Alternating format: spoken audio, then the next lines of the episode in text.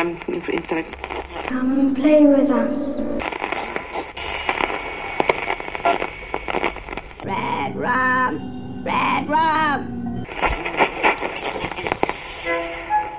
Witam Was, kochani, bardzo serdecznie w takim nagraniu, które tak naprawdę nie wiem, czym docelowo będzie. Możliwe, że osobnym odcinkiem specjalnym, a możliwe, że wstawką we wiadomościach z martwej strefy. Jest to coś, co kiedyś zrobił Skóra. On to zrobił dosyć humorystycznie. E, nakręcił podcastową wersję unboxingu. Tak, jak słyszycie, dziecko trzymam na rękach, więc troszeczkę zmęczony jestem, bo to taki już jest wielki klops.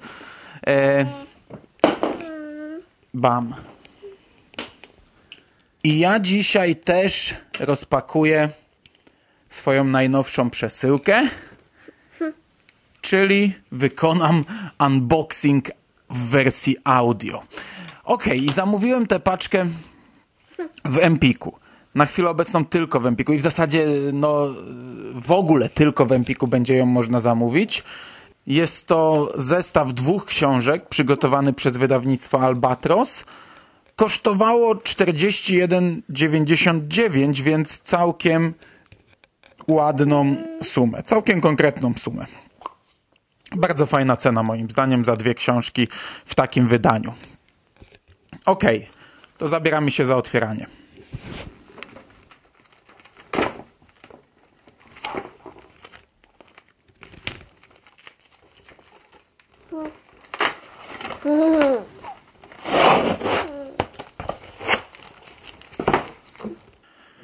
I teraz tak. Z tego co widzę, to boksik jest zafoliowany. Oprócz tego, że znajdował się w kartonie, w paczce, to jest zafoliowany, dzięki temu nie jest zniszczony. I to jest plus. Do tej pory, e, jak zamawiałem wysyłkowo tego typu pakiety z Mroczną Wieżą, to zawsze przychodziły chociaż lekko podarte, ponieważ ten cały kartonik, to etui, no jest wykonany z bardzo cieniutkiego papieru to nie jest nic mocnego, już, to, już teraz widać, że, że to, to nie przetrwa długo.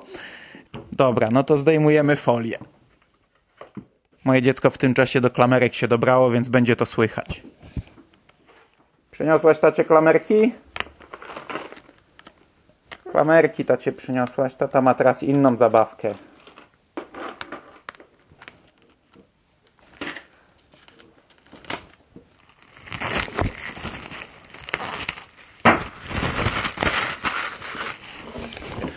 Przy zdejmowaniu folii nie uszkodziłem pudełka, ale naprawdę wykonane jest no chyba chyba jeszcze nie widziałem tak cienkiego etui, ale to jest, to jest detal. Yy, chociaż z przyjemnością zapłaciłbym więcej za nieco sztywniejsze opakowanie. Wyciągamy książki.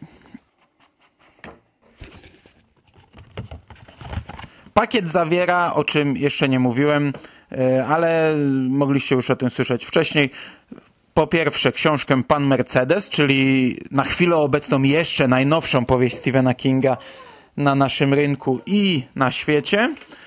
Oraz zbiór Czarna Bezgwiezdna Noc z filmową okładką z dobranego małżeństwa i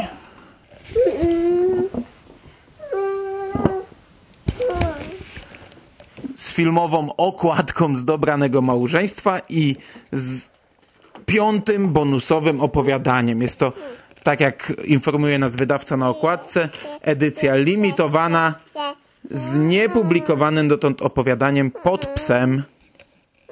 Co byś chciała? To dyktafon, nie? Dyktafon chcę. Dam jej telefon. Chociaż nie, bo włączy sobie muzyczkę. Nie, nie, ale to nie gra, Bogna. To naprawdę nie gra. To nagrywa. Dobra. Na szybko, potem przejdziemy do recenzji. Ogólnie ludzie byli troszeczkę źli, że y, nazwijmy to zmuszono ich do zakupu obu książek, że nie można kupić Czarnej Bezgwiezdnej Nocy osobno, tylko trzeba to zrobić w pakiecie z panem Mercedesem, ale no biorąc pod uwagę cenę, to nie jest jakaś tragedia, chociaż, chociaż ja rozumiem ludzi, którzy nie wiedzą, co zrobić z drugim y, egzemplarzem. No można go oczywiście sprzedać, ale dla niektórych to jest, to są wyrzucone pieniądze, kupowanie dodatkowego egzemplarza. Dla mnie nie, ja bym to i tak prędzej czy później kupił.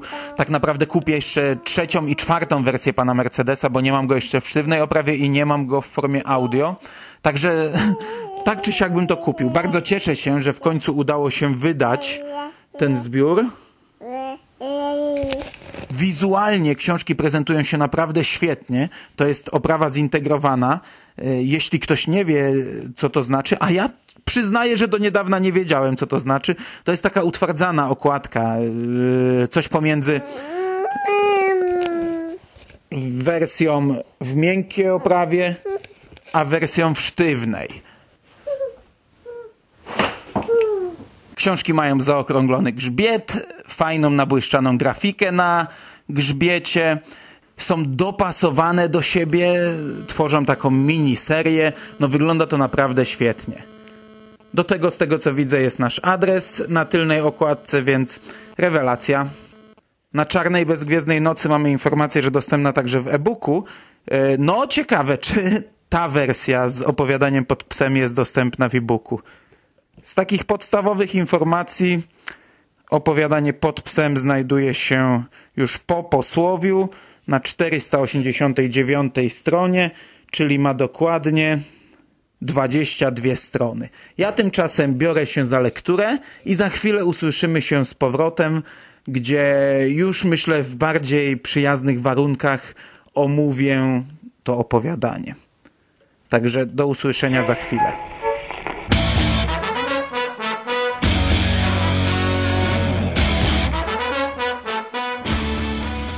Okej, to jeszcze raz. Witam Was serdecznie. Już teraz na spokojnie, bez szkodnika na rękach. w dwóch zdaniach. Przypominam, dlaczego to konkretne wydanie zbioru Czarna Bezgwiezdna Noc jest wyjątkowe. Otóż po długich próbach przekonania polskiego wydawcy okazało się, że można, że można jednak wydać u nas wersję, która w Stanach ukazała się w paperbacku. Czarna Bezgwiezdna Noc w naszym kraju oryginalnie wyszła jakoś mm, w okolicach premiery światowej, a w Stanach paperbacki wychodzą jakieś pół roku po premierze. Ja ten zbiór recenzowałem w drugim odcinku podcastu i pewnie teraz zrobiłbym to 100 razy lepiej, ale jak zacznę robić na nowo zrobione już wcześniej recenzje, to bez końca będę się poprawiał, także co zostało powiedziane kiepsko nagrane lub źle zmontowane, niech już takie pozostanie. Informacja o amerykańskiej wersji z piątym opowiadaniem ukazała się bardzo krótko po naszej premierze, no ale wtedy już była musztarda po obiedzie. Zresztą wydawca przez lata upierał się, że wydanie u nas takiej wersji jest niemożliwe. No i jak się okazało, nie była to prawda. O wyglądzie książki i całego pakietu powiedziałem już wszystko we wstępie. Dodam tylko, że strasznie podoba mi się okładka zbioru. Zwykle nie przepadam za filmowymi okładkami, ale plakat dobranego, choć jak się okazało, to opowiadanie zmieniło tytuł na Dobre Małżeństwo, więc plakat dobrego małżeństwa bardzo mi się podoba. Nie zdążył mi się jeszcze opatrzyć, a, a autor i tytuł bardzo fajnie komponuje się z grafiką. Do tego wszystkie trzy okładki poprzednich wydań były koszmarne, więc jest to miła odmiana. Opowiadanie pod psem przetłumaczył Krzysztof Sokołowski. Cała reszta pozostała bez zmian w przekładzie Krzysztofa Obłuckiego. Pod psem jest tekstem bez elementów nadprzyrodzonych i powiedziałbym, że doskonale tematycznie wpasowuje się w zbiór, a przynajmniej w większość zbioru, bo opowiadanie Dobry Interes dość mocno odstaje od głównej tematyki i ogólnie panującego klimatu. Teoretycznie jest to opowiadanie nijakie. Znaczy mówię już o tym najnowszym, pod psem. Teoretycznie jest nijakie, bo tak naprawdę już na pierwszych stronach domyślamy się, jaki będzie finał. A jest to jednak takie opowiadanie, które prowadzi nas do mocnego finału. Od chwili, kiedy dowiadujemy się, że coś się dzieje, czyli najpóźniej od trzeciej strony, tak na dobrą sprawę wiemy już dokładnie, co się dzieje. No przypuszczamy, ale, ale mamy, mamy nie, niemal pewność. Dalej King wcale nie próbuje nas zwodzić, a, a wręcz przeciwnie, utwierdza nas w naszych podejrzeniach i gdy teoretycznie powinien nas zaskoczyć zakończeniem, on nas po prostu do niego doprowadza. Jak po sznurku. Bez żadnych prób odwrócenia sytuacji. Jednak muszę przyznać, że po pierwsze czytało się to świetnie, a po drugie mi wcale nie przeszkadzało, że opowiadanie, które powinno zaskoczyć w finale, nie robi tego. Jest oczywiste od pierwszych stron. I wcale nie przeszkadzało mi to w czytaniu i, i, i muszę przyznać, że, że i tak czułem niepokój zmierzając ku końcowi i obawiałem się tego, jak to się skończy. Skończyło się dokładnie tak, jak przypuszczałem, że się skończy, a i tak było to mocne i cholernie dobre zakończenie. I ja się bardzo dobrze na tym opowiadaniu bawiłem. A tak zupełnie na marginesie, kilka lat temu napisałem coś niemal identycznego. znaczy, cała droga do zakończenia była inna, ale finiszowałem identycznie jak King. E, moje opowiadanie było jednak dużo bardziej osobiste. Ja wtedy byłem dopiero co po wydaniu tej cienizny, którą wydali mi w Mało Dobrym i wydawało mi się, że cały świat leży u moich stóp i czego bym teraz nie napisał, to przyjmą mi to wszędzie z ucałowaniem rączek. No i miałem taki krótki okres w życiu, kiedy pisałem i kiedy wysyłałem te swoje wypociny do różnych czasopism, a to jedno opowiadanie, to stworzone na tym samym pomyśle, bardzo chciałem wydać, bo nawpychałem w nie pełno prawdziwych wydarzeń z okresu mojej pierwszej wielkiej miłości, która wtedy się kończyła. I wydawało mi się, że to takie fajne będzie, jak to wydam i że na pewno rozbawię tym moją pierwszą wielką odchodzącą miłość. E, dopiero teraz, bo nie myślałem o tym opowiadaniu od lat, dotarło do mnie, że to było trochę chore. Cóż, tak czy inaczej King powielił mój pomysł, ale że zrobił to lepiej, więc mu wybaczam. Podsumowując, jeśli jeszcze nie posiadacie Czarnej Bezgwiezdnej Nocy, to polecam zaopatrzyć się w tę wersję. E, nawet jeśli macie już w swoich zbiorach pana Mercedesa. Sprzedając jedną wersję za grosze, będziecie i tak do przodu. Dokładnie to samo można zrobić, jak posiadacie tylko czarną bezgwiezdną noc. E, zaopatrzycie się w pana Mercedesa, czarną sprzedacie i macie pakiecik za normalną cenę. Jeśli posiadacie już obie książki, no to oczywiście możecie zrobić to samo, choć w takim przypadku pewnie nie wyjdziecie na zero, e, więc ta opcja jednak jest dla tych najbardziej fanatycznych fanów, e, ale ja oczywiście polecam i tę opcję. Już dawno nie cieszyłem się z tak ładnie wydanych Kingów, a do tego dostałem małą premierę, więc był to bardzo udany dzień.